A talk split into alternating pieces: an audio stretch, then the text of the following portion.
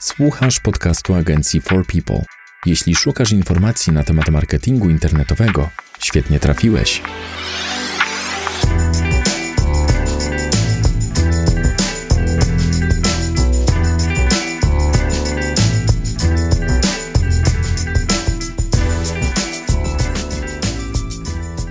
Cześć, witamy Was w dziewiątym odcinku podcastu agencji marketingowej For People. Z tej strony Łukasz Migura i Paweł Pawlak. Tym razem pochylimy się nad chyba najważniejszym dokumentem, jeśli chodzi o pozycjonowanie. Mowa oczywiście o audycie SEO. Czym jest audyt SEO? Audyt SEO jest analizą, którą przeprowadza się przed rozpoczęciem wszelkich prac pozycjonerskich. I tak jak powiedziałeś, jest to jeden z najważniejszych dokumentów, bo taką analizę oczywiście przygotowuje się na różnych narzędziach, natomiast jakby efektem tej analizy jest oczywiście dokument, który klient, bądź też po prostu osoba, która będzie zajmowała się przygotowywaniem optymalizacji, może się po prostu zapoznać. Pozwól, że ci tu wejdę w słowo. Ja bym chciał tak podkreślić trochę już na samym początku, że tak naprawdę według mnie audyt SEO nie jest dokumentem przygotowy przygotowywanym przed pracami pozycjonerskimi, tylko tak naprawdę jest jedną z prac pozycjonerskich i raczej nie rozgraniczałbym tutaj e, tego podziału. Ja wiem, co chciałeś powiedzieć, że tak naprawdę miałeś na myśli chyba prace optymalizacyjne. tak, tym, że... jest, to, jest to jedna z pierwszych prac, natomiast też chciałbym ze swojej strony podkreślić, że właśnie audyt to jest właśnie wykonanie wszystkich tych prac i analiza, natomiast często też jako audyt rozumie się po prostu sam dokument, natomiast dokument przygotowany po właśnie analizie strony jest tylko, tylko efektem, można powiedzieć, podsumowaniem obserwacji. Dobra, e, jeśli chodzi o sam dokument, może pokrótce opowiemy, co wchodzi w jego skład. E, można by tak ogólnie powiedzieć, że są mniej więcej trzy główne działy, na których skupiamy się przygotowując taki dokument. Pierwszym z działów jest struktura strony pod kątem technicznym, jakbyś mógł powiedzieć co wchodzi w skład e, struktury technicznej, na, na co patrzymy e, analizując stronę e, z tej perspektywy? Hmm, jeżeli chodzi o stronę techniczną, to audyt ma za zadanie wyłapanie wszelkich błędów ze strony właśnie technicznej na, na analizowanej domenie mhm. i ma tutaj jakby wskazać też w jakim stopniu strona w takim powiedzmy surowym stanie jest zgodna z wytycznymi Google, które, których jakby trzymanie się pozwala osiągnąć wysokie wyniki, wysokie wyniki y, w SERPach. Mhm.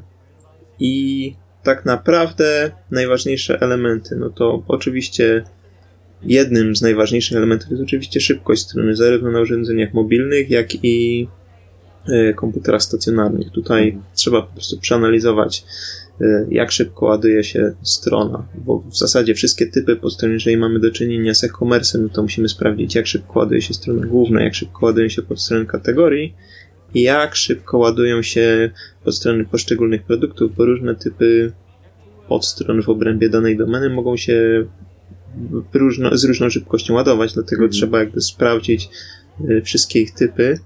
Jeśli chodzi o prędkość ładowania się strony, też chciałbym tutaj dodać, że zachęcam do odwiedzenia naszego bloga marketing dla ludzi.pl, gdzie Sławek Borowy pisał m.in. o nowych wytycznych, jeśli chodzi o e, pracę nad e, przyspieszeniem strony internetowej.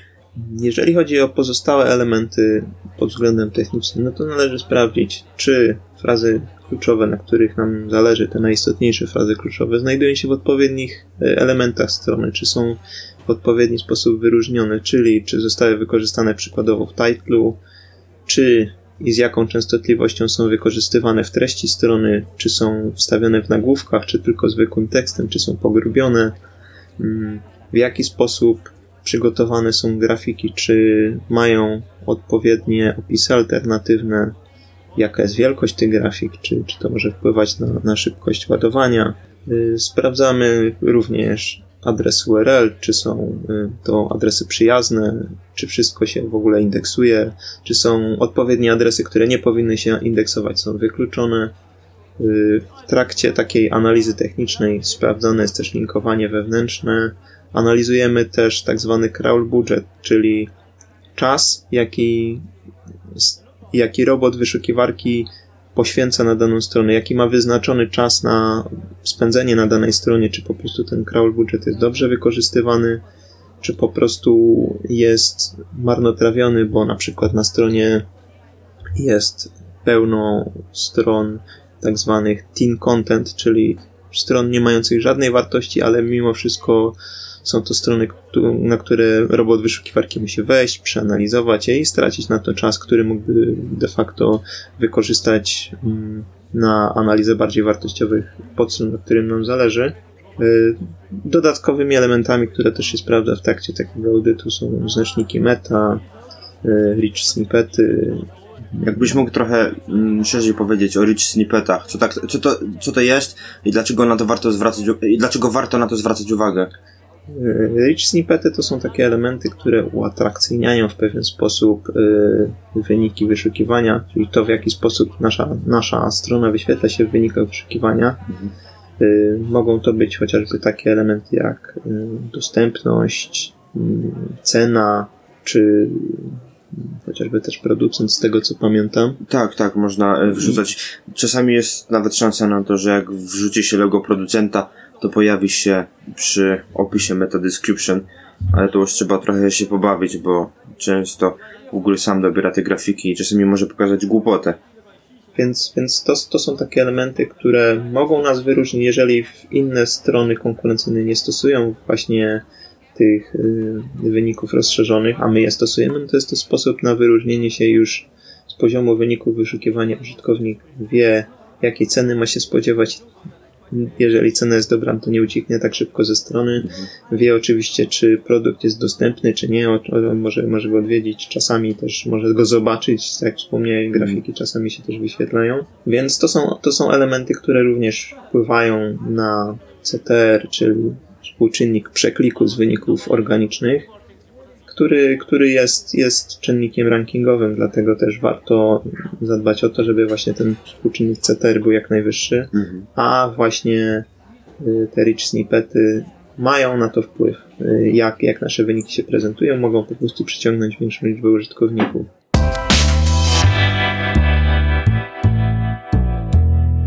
To jest podcast agencji For People dedykowany przedsiębiorcom i wszystkim miłośnikom marketingu internetowego. Dodatkowymi elementami, może już nie takimi technicznymi, mhm. jest sama treść, czyli ile jest tej treści, jaki jest jej stosunek ilości treści okay. do ilości samego kodu HTML, yy, czy jest to treść unikalna, czy też skopiowana z innych serwisów, czy to jest treść unikalna wewnętrznie, czy na przykład jest jakaś duplikacja wewnętrzna jest jakaś określona ilość treści, która powinna znaleźć się na stronie, jeśli chodzi o stosunek kodu do ilości tekstu?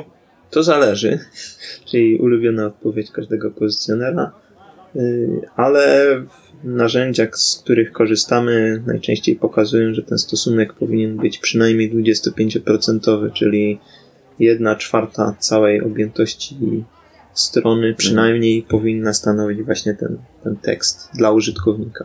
Tak, no czasami to jest trudne, zwłaszcza przy WordPressie, gdzie jest tak przykodowane, że uzupełnienie no, tekstu. No, dokładnie. Czasami po prostu, chociażbyśmy przygotowali tekst na 10 tysięcy znaków, może się okazać, że stanowi on na przykład tylko 15% albo 12% danego mm, kodu, no i hmm. musielibyśmy go rozbudowywać w nieskończoność, bądź ewentualnie zadbać o, o, o samą objętość kodu. Mhm. No tak. E, już tak w sumie łagodnie przechodząc do kolejnej sekcji audytu, teraz pora na treść. Na co tutaj zwracamy uwagę i jak podchodzimy do kwestii przygotowywania i, i jak tutaj podchodzimy do audytowania strony pod tym kątem. Mm, tutaj już troszkę w zasadzie powiedziałem przy, przy okazji poprzedniego punktu, czyli właśnie trzeba zadbać o to, żeby to znaczy zadbać. Trzeba sprawdzić to, czy treści są unikalne, czy przygotowane treści są tylko dla tej strony, czy nie, nie, nie są wykorzystywane też na, na innych serwisach, mhm. czy w ramach samej strony tekst jest odpowiednio y, unikalny, nie jest stosowany na przykład jeden opis dla kilku produktów. Mhm. Y, jak on jest też ostylowany, to też ma znaczenie, czy na przykład stosowane jest pogrubienie strong, czy pogrubienie B, Jaka jest różnica między strongiem a B? Pogrubienie B to jest pogrubienie czysto stylistyczne dla y, użytkownika, natomiast pogrubienie strong to jest instrukcja dla robota wyszukiwarki, która jakby no, dodatkowo wyróżnia tekst. Ja tutaj- To jest zwracanie uwagi y, robota na, na, na dany fragment tekstu. Ja tutaj chciałbym też zaznaczyć, że podobne znaczenie mają e, kursywy. Kursywa wykorzystująca znacznik i też jest tylko stricte stylistyczna, a kursywa oznaczona przy pomocy znacznika EM jest też znakiem dla, dla robotów wyszukiwarki, że jest to jakieś znaczenie pod kątem ważności danej frazy e, w tekście. Jeżeli chodzi też o samą analizę tekstu, to tak jak też wspomniałem wcześniej, słowa kluczowe, na których nam zależy, też powinny się znaleźć w treści strony. Sama treść powinna w możliwie jak najszerszy i wyczerpujący sposób dane zagadnienie omawiać, czyli jeżeli prezentujemy jakąś kategorię produktów, no to y, opis tej kategorii powinien być na tyle szeroki, żeby użytkownik jakikolwiek miał pytania w stosunku do danej kategorii produktów, żeby gdzieś tam te, te mm, treści na to odpowiadały. Oczywiście też jakby nie należy iść w przesadę i na przykład nie przygotowywać e, powiedzmy 20 tysięcy znaków, bo też jakby jeżeli ktoś przychodzi do sklepu internetowego, to nie przychodzi tam czytać, tylko przychodzi tam e, kupować. No chyba, że ukryjecie ten tekst po części przy pomocy jakiegoś przycisku pod listą produktów, żeby walczyć z konkurencją, ale to chyba zależy od branży. Dokładnie tak. Co z nagłówkami? to jest, to jest, to jest jakby też kolejny element, który, który warto sprawdzić mm, w trakcie robienia audytu, czyli czy mamy zastosowaną odpowiednią hierarchię nagłówków, czy w ogóle nagłówki są stosowane Mhm. w treści. Jeżeli tak, czy są, jest zastosowana odpowiednia hierarchia, czyli czy po nagłówku H1 występują H, nagłówki H2, czy od razu H3 albo H4, jak szeroka jest to struktura, bo czasami mm, nie warto na przykład wykorzystywać struktury nagłówku od- od H1 do H6, tylko wystarczy od H1 do H3 albo nawet H2. Kiedy ostatnio używałeś nagłówków wyższych niż H3, H4, H5, H6? Zdarzyło ci się w ogóle w historii pozycjonowania wykorzystywać nagłówki? Mm, Raczej nie. Zawsze zalecam e, właśnie przerabianie nagłówków H3, H4 po prostu na zwykły tekst. Mhm. Najczęściej e, spotykam się z tym, że nagłówki właśnie tego niższego rzędu są błędnie wykorzystywane jako elementy nawigacji, czyli chociażby w dolnym menu wszystkie elementy są oznaczone jako nagłówek H3, Okej. elementy takie jak skontaktuj się z nami są oznaczone jako H4 albo jakiś też inny nagłówek, albo nie daj Boże nagłówek typu H2 albo H1 y, tekst typu właśnie skontaktuj się z nami. No tak, też miałem takie przypadki. Więc A- po prostu trzeba zadbać o to, żeby, żeby y, w nagłówkach znalazły się frazy kluczowe i same nagłówki były prawidłowo stosowane w odpowiedniej hierarchii, no i też, żeby, żeby ta struktura nagłówków była na tyle płaska, na ile potrzebuje tego dana konstrukcja strony. A o jakiej ilości nagłówków na stronie mówimy, jeśli chodzi o H1, H2 i H3? Mm, Przyjęło się, że nagłówek H1 powinien pojawiać się na y, danej podstronie tylko raz. No i to jest taka, można powiedzieć, złota zasada. Ale wiemy, że HTML, HTML5 wprowadził nową funkcję. Dokładnie tak, więc, więc to, jest, y, to jest jakby wyjątek. Jeżeli na stronie stosowana jest sekcyjność i te, te, te, dana strona jest podzielona na sekcje, no to każda sekcja może mieć swój nagłówek H1, ale najczęściej właśnie ten element nie jest stosowany, a nagłówek H1 często jest stosowany wielokrotnie, więc, więc jakby trzymałbym się mimo wszystko tej złotej zasady jednego nagłówka H1 na daną podstronę. Okej. Y, Nagłówków H, H2 no, można, można stosować już tutaj znacznie więcej. Jeżeli mamy jakieś dłuższe sekcje tekstu, no to można go wykorzystać jako podtytuły poszczególnych akapitów. Y, W przypadku podstron kategorii, y, gdzie wyświetla się kilka, kilkanaście produktów, nagłówek H2 na przykład można wykorzystać jako po prostu nazwy tych produktów. Y, oczywiście w tych, tych produktów wyświetlonych właśnie na tej podstronie kategorii, bo w przypadku y, podstrony konkretnego produktu, no to jego nazwa powinna być nagłówkiem y, Mhm. H1. Mm, Jeżeli chodzi jeszcze o nagłówki, no to warto też sprawdzić, czy nagłówki są widoczne dla użytkownika, czy też są ukryte, bo jakby mm, ukrywanie nagłówków H1 z jakimiś wartościowymi frazami kluczowymi może nam przysporzyć duże kłopoty. Takie pytanie mam jeszcze odnośnie tworzenia nagłówka H1. Y, Niektóre z narzędzi pokazują, że duplikowanie tytułu do nagłówka H1 to błąd. Co ty o tym myślisz? Mm, To zależy tak naprawdę od strony. Czasami, czasami właśnie powielam y, nagłówek H1 w tytule też, jak chociażby nazwa produktu. Często, często właśnie w przypadku podstron produktów właśnie w tytule jest jego nazwa, oczywiście z miksem jakiejś frazy kluczowej. Y, przykładowo y, wycieraczki samochodowe do BMW. No i taki sam zastosowałbym w tym momencie nagłówek H1.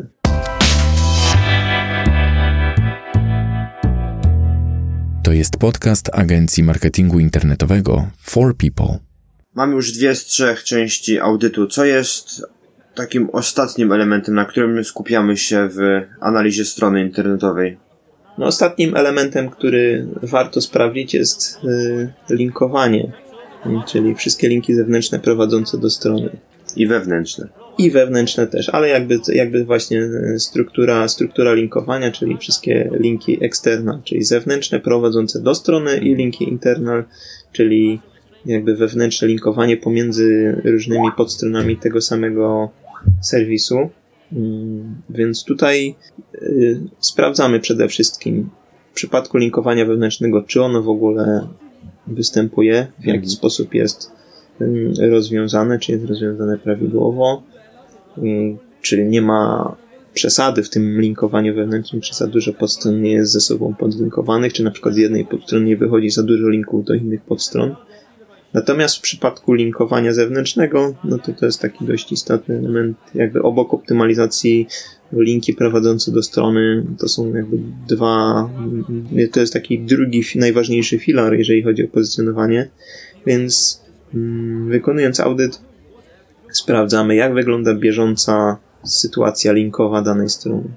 Mm, Ile linków obecnie prowadzi do strony, jakiej to są jakości linki, z jakich źródeł, Też sprawdzamy historycznie, jakie, jak linki, jakie linki prowadziły do strony, y, zarówno pod kątem ilości, jak i jakości, bo to może się przełożyć na sytuację strony, zarówno bieżącą, jak i przyszłą, albo odpowiedzieć też na pytanie, dlaczego na przykład strona stoi w miejscu i jej widoczność się nie poprawia. Jakby czasami odpowiedzią są właśnie złe linki. E, tutaj w ogóle chciałbym tak trochę wytłumaczyć, dlaczego linkowanie ma znaczenie w pozycjonowaniu. Musimy sobie odpowiedzieć na pytanie, jak działała i jak działa wyszukiwarka Google. Już od samego początku przy ustalaniu wyników wyszukiwania Google opierało się na ilości właśnie linków kierujących do strony i traktowało to jako wyznacznik popularności danego adresu. Im strona kiedyś miała więcej linków prowadzących do siebie, tym była bardziej popularna i była prezentowana wyżej w wynikach wyszukiwania. Optymalizacja tak naprawdę nie miała dużego znaczenia. Ważne było to, y, jakie słowa są podlinkowane i y, dokąd kierują. I właśnie te tak zwane kotwice, ankory, y, były jednym z najważniejszych czynników przy pozycjonowaniu strony internetowej. No dzisiaj, jak już Paweł wspominał, ważniejsze albo równie ważne jak linki są treści na stronie i optymalizacja, optymalizacja techniczna. No ale wracając do tego, co mówiłeś o linkach. Mm, Więc jakby no to jest ten element, który właśnie też, też należy sprawdzić, ale to bardziej jako taka powiedzmy odpowiedź,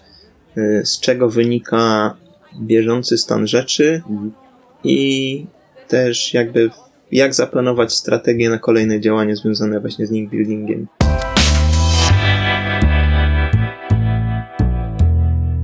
To jest podcast agencji For People, specjalistów od marketingu internetowego.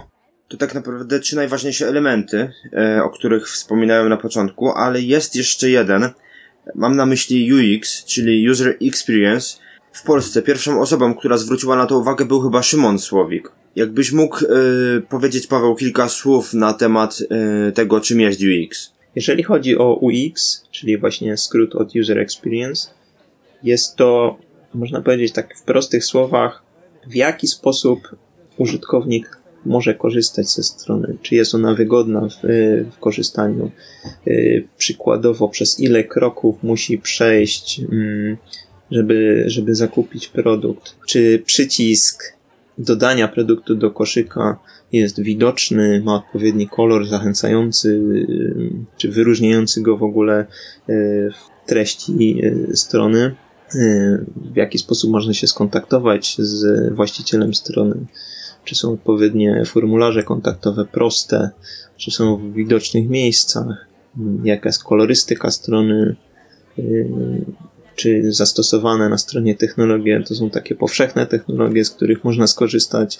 czy to jest już wymarły Flash na przykład na jakiejś archaicznej stronie. No tak, w tym roku w grudniu w ogóle obsługa Flasha kończy się właściwie we wszystkich przeglądarkach i już nawet sam Adobe wysłał maile do użytkowników, że dziękują za zaufanie i, i korzystanie z ich usług, ale muszą zrezygnować z kontynuowania yy, rozwijania tego narzędzia. Więc jeżeli chodzi o analizę UX, to jest po prostu zebranie wszystkich, sprawdzenie wszystkich elementów, hmm, w jaki sposób właśnie użytkownik wchodzi w interakcję ze stroną i czy to jest właśnie proste, czy, czy ona mhm. zachęca do, do, do, do korzystania z niej, czy przykłada się na czas spędzony na stronie zarówno pozytywnie, jak i negatywnie. I szereg właśnie takich elementów, można powiedzieć, psychologiczno-technicznych, yy, które właśnie wpływają na zachowanie użytkownika podczas obcowania ze sklepem, czy z daną stroną mhm. w ogóle internetową.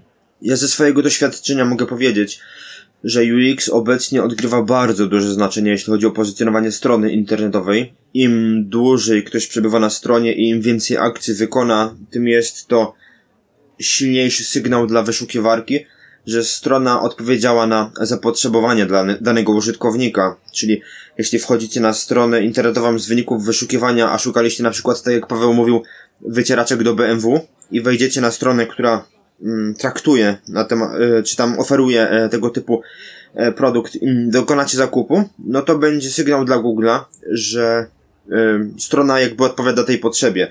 A skąd strona będzie wiedziała, że a skąd Google będzie wiedziało, że strona odpowiada danej potrzebie? Bo na ogół korzystacie z Google Chroma. Obecnie jest to chyba 80% użytkowników w sieci. Google Chrome to często możliwość podłączenia się do swojego konta e, googlowskiego, a tu już jest bardzo prosta droga do śledzenia właściwie każdej waszej aktywności w sieci. Nie dość, że na stronie internetowej na ogół podpięty jest Google Analytics, czy teraz Google Tag Manager, to jeszcze dodatkowo śledzenie z Google Chroma. Trudno tak naprawdę ukryć jakąkolwiek działalność na stronie internetowej, a to jest bardzo dobre narzędzie właśnie dla pozycjonerów czy dla właścicieli stron internetowych, żeby zrozumieć, jak zachowują się użytkownicy, czego szukają, czego nie szukają i jak dużo czasu spędzają na stronie oraz ile akcji wykonują. Ostatnią z ostatnich części audytu jest tak naprawdę kwestia właśnie podłączenia strony internetowej pod narzędzia Google'a. Mowa o Google Analytics, Google Tag Managerze i Google Search Console. Powiedz Paweł, kiedy bardziej opłaca się podłączyć stronę bezpośrednio pod Google Analytics, a kiedy wykorzystywać do tego podłączenia Google Tag Managera? W przypadku, jeżeli nie zamierzamy mierzyć Google Analyticsem jakichś bardzo skomplikowanych celów, mm, chociażby specyficznych akcji, na przykład wysłania jakiegoś konkretnego formularza, kliknięcia w odpowiednie miejsce, mm, nie wiem, pokazanie numeru telefonu, hmm. czy chociażby takie akcje jak zaznaczenie numeru telefonu i skopiowanie go, czy za, zaznaczenie adresu e-mail i skopiowanie go hmm. do programu pocztowego, Wydaje mi się, że po prostu e, wdrożenie samego skryptu Google Analytics wystarcza. Mm. Natomiast jeżeli chcemy mm, tutaj mierzyć w jakiś bardziej skomplikowany sposób konwersję, to wtedy już trzeba e, zainstalować kontener Google Tag Managera i za pomocą tego kontenera e, właśnie odpowiednie kody już tutaj doklejać. Okej, okay. a jeśli chodzi o Google Search Console, chodzi o, o dane z wyszukiwarki? Google Search Console to tak naprawdę jedyny sposób na interakcję użytkownika z wyszukiwarką. Y, przez jedyny sposób mam tutaj na myśli chociażby takie działanie, że jeżeli mamy nową stronę, jeżeli mamy nową podstronę z nowym adresem URL, który jeszcze nie jest w indeksie, no to Google Search Console jest właśnie tym narzędziem, które pozwala właśnie zgłosić ten nowy adres zasygnalizować wyszukiwarce, że pojawi się nowy adres i trzeba go dodać do indeksu. Miejmy nadzieję, że ta funkcja zostanie. Tutaj taka informacja dla wszystkich. W przeddzień nagrywania tego podcastu Google poinformowało, że chwilowo wyłącza tę usługę. Innym elementem interakcji użytkownika y, z właśnie wyszukiwarką jest y, chociażby funkcja, jakby za pomocą Google Search Console y, Google informuje nas, jeżeli w jakiś sposób zawiniliśmy i, Mhm. i tutaj zapracowaliśmy sobie w cudzysłowie na karę mm, ręczną, to właśnie za, zarówno jesteśmy informowani przez Google Search Console, jak również Google Search Console jest to miejsce, które pozwala nam odnieść się do tej kary. Jakby jedyne miejsce, żeby, żeby się tej kary pozbyć. Oczywiście po wykonaniu odpowiednich y, działań. Kiedyś to było wyrażenie skruchy w postaci mailowej. Trzeba było em, koniecznie wyrazić żal i wtedy... Czynny żal. Czynny żal, tak. E, coś jak w urzędzie skarbowym. I wtedy pracownik Google'a decydował, czy faktycznie zdejmie karę, czy nie.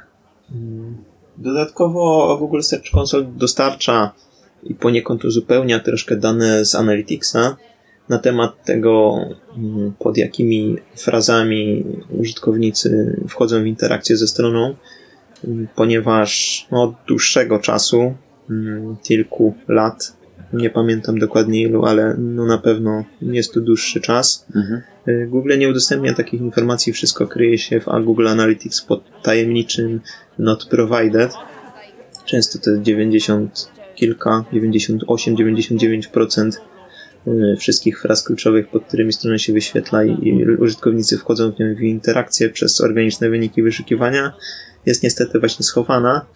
Natomiast jeżeli mamy dostęp do Google Search Console, to po prostu możemy połączyć sobie dwa te zestawy danych, czyli y, pod jakimi frazami użytkownicy wyszukują stronę, pod jakimi frazami y, strona się wyświetla, ale też y, które frazy doprowadzają do przekliku i też pokazują jakby współczynnik CTR, czyli właśnie tego wspomnianego przeze mnie wcześniej współczynnika przekliku. Jest jakieś narzędzie, które może pokazać frazy w Google Analyticsie, na które, e, z których ludzie trafiali na stronę internetową.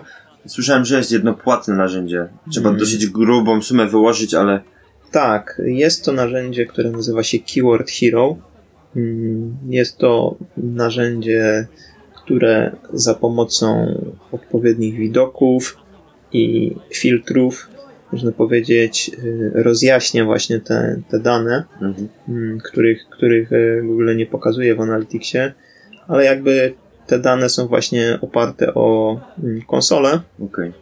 i tutaj dzięki, dzięki właśnie tym filtrom, dzięki tym, tym widokom, te dane z Google Search Console i Google Analytics są pożenione w jednym miejscu i, i ta analiza jest znacznie prostsza.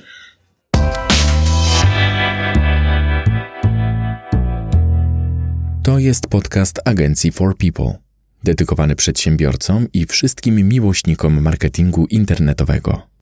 Mamy już cały audyt, ale tak naprawdę kiedy się go robi? Kiedy trzeba wykonać taki audyt?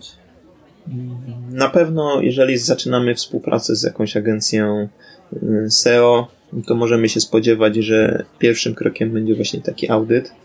Y, Jeżeli nie, no to powinniśmy się zacząć martwić. Tak.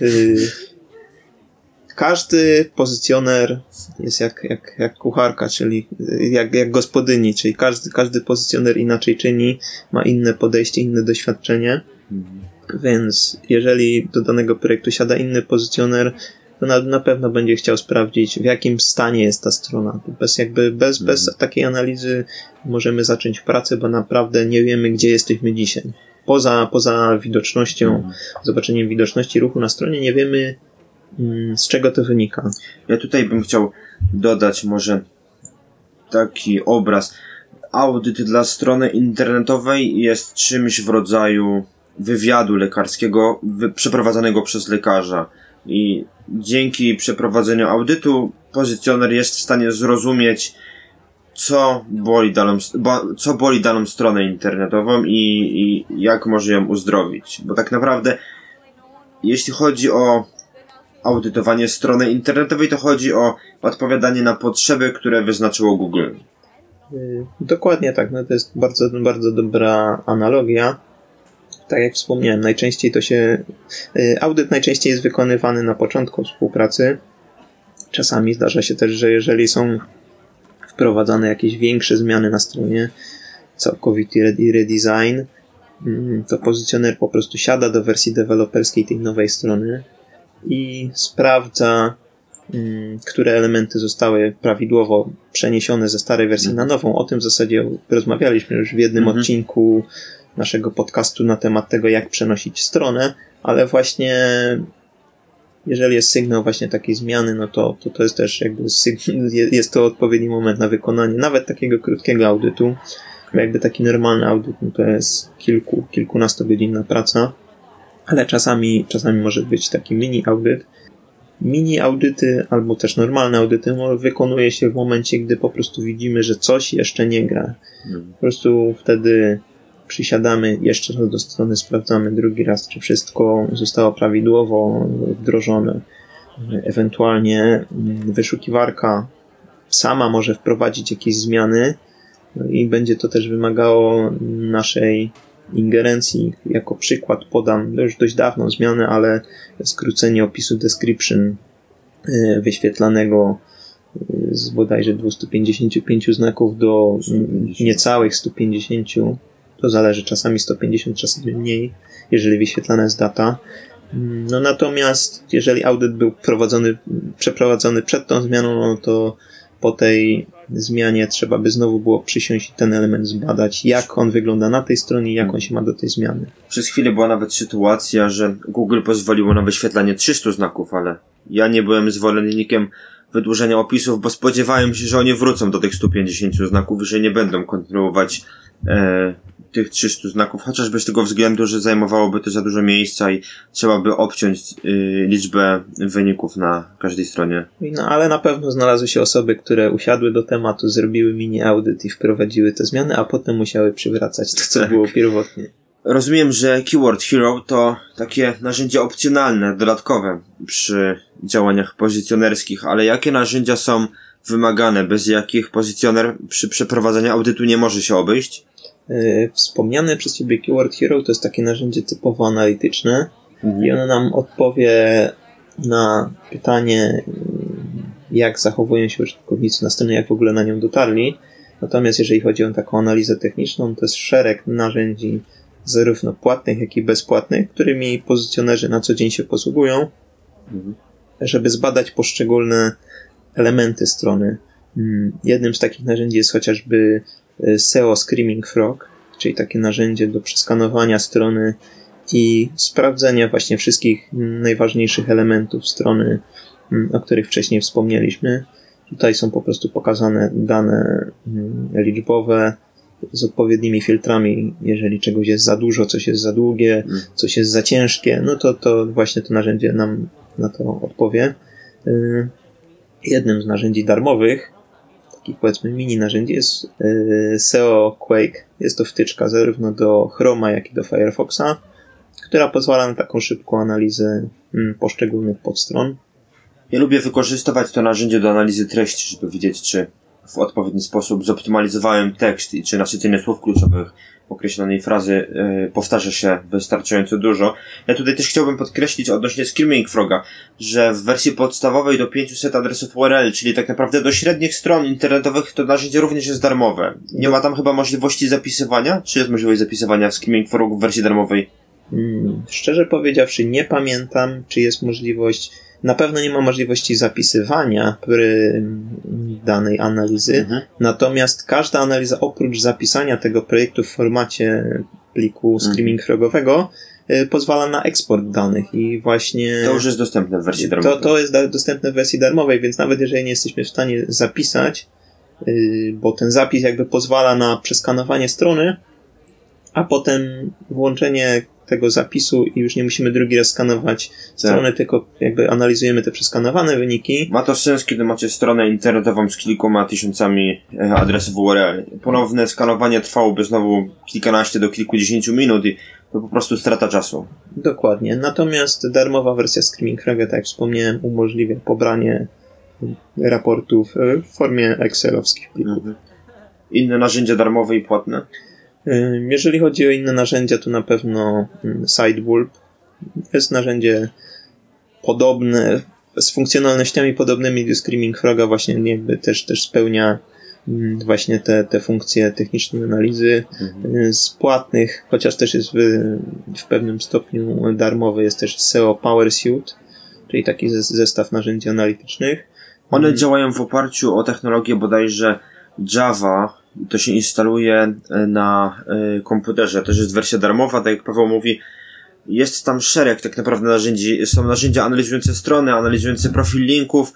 E, W wersji darmowej są jakieś ograniczenia, jeśli chodzi o ilość analizowanych podstron, ale dla początkujących pozycjonerów ta wersja darmowa będzie w zupełności wystarczająca. Wiem, bo korzystałem i gorąco polecam.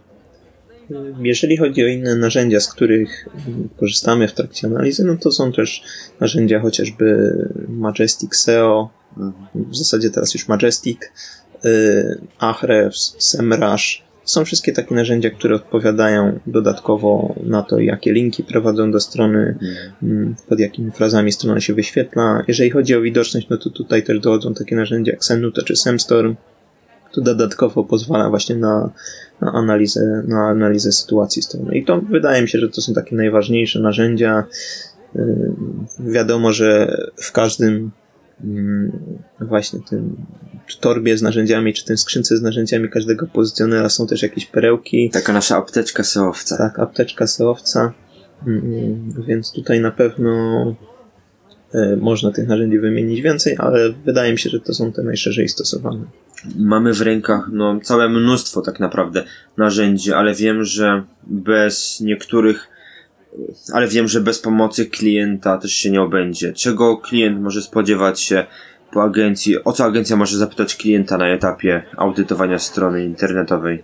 Mm, Pomimo tego, że strona może być zbudowana na jakimś popularnym CMS-ie, jak chociażby WordPress, yy, to ta budowa może być na tyle nietypowa, yy, że niektórych zmian, które zwyczajowo da się wprowadzić na WordPressie, tutaj się nie będzie dało wprowadzić, Mhm. więc na pewno mm, pozycjoner dopyta o dostępy do strony, czyli dostęp właśnie do CMS-a, najpewniej na jakichś uprawnieniach administracyjnych, Mm, jak również mm, dostęp do serwera FTP, jeżeli, jeżeli klient takie coś posiada.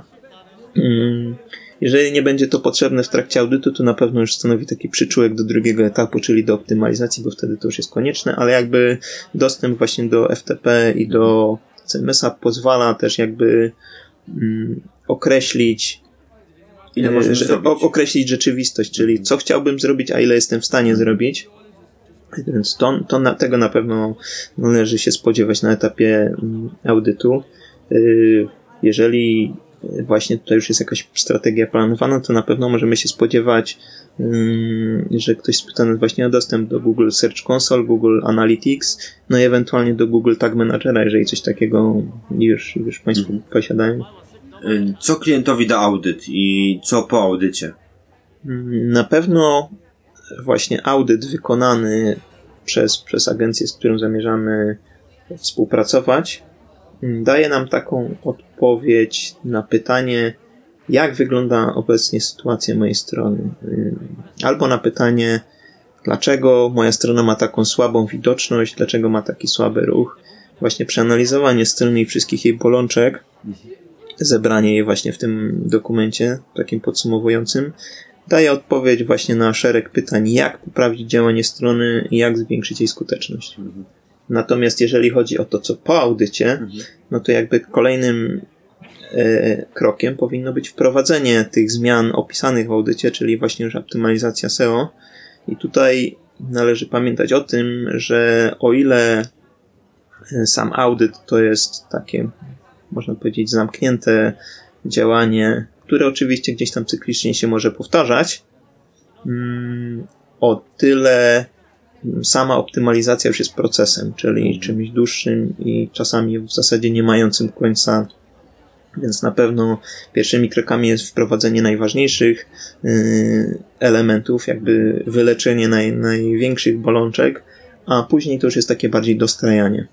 Ja tak ze swojej strony mogę powiedzieć, że ja lubię między audytem a optymalizacją przygotować jeszcze jeden dokument, zestawienie fraz kluczowych i dopasowanie ich do najważniejszych podstron w obrębie strony. Jeśli jest duża, a do wszystkich podstron, jeśli strona internetowa ma kilkanaście, kilkadziesiąt podstron, to już zależy od rozmiaru strony internetowej i potem na podstawie tego dokumentu już optymalizować treści znajdujące się na stronie. Dokładnie, ale to jest właśnie ten element, o którym też jakby wspomnieliśmy na początku, że właśnie odpowiedź na to, na jakich frazach warto się skupić, na pewno da nam y, właśnie wykonanie tego audytu. Takie ostatnie pytanie na koniec. Czy można zamówić sam audyt i czy ma to sens?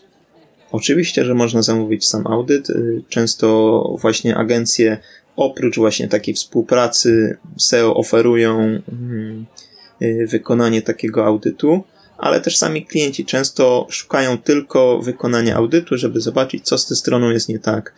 Mm, czy ma to sens? To zależy.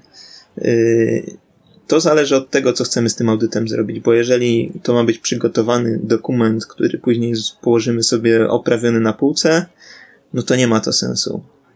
Jeżeli za audytem mm, je, kryje się działanie, czyli kolejne, kolejne etapy, wprowadzenie optymalizacji, mm, czy to przez właśnie zlecenie jakiejś agencji, czy to też zrobienie tego in-house'owo, czyli przekazanie tego e, dokumentu, wszystkich tych wytycznych naszym web developerom, no to wtedy wykonanie takiego audytu ma sens, bo jak już wspomniałem na początku tego mm, odcinka, jak i pewnie wcześniej kilka razy w innych odcinkach, właśnie optymalizacja jest tym jednym z tych istotnych filarów pozycjonowania, więc y, no, audyt ma być tylko drogowskazem, Natomiast y, ten drogowskaz ma prowadzić właśnie do lepszego działania strony. Dzięki Paweł za rozmowę. To był dziewiąty odcinek naszego podcastu. Już wkrótce usłyszymy się znowu. Z tej strony Łukasz Migura i Paweł Pawlak. Do usłyszenia. Cześć. To był podcast Agencji Marketingu Internetowego For People. Dziękujemy za uwagę. Wolisz czytać niż słuchać? Zapraszamy na stronę naszego bloga marketingdlaludzi.pl. A jeśli potrzebujesz pomocy z promocją firmy w internecie, odwiedź naszą stronę forpeople.pl. Zapraszamy do wysłuchania następnych odcinków. Do usłyszenia.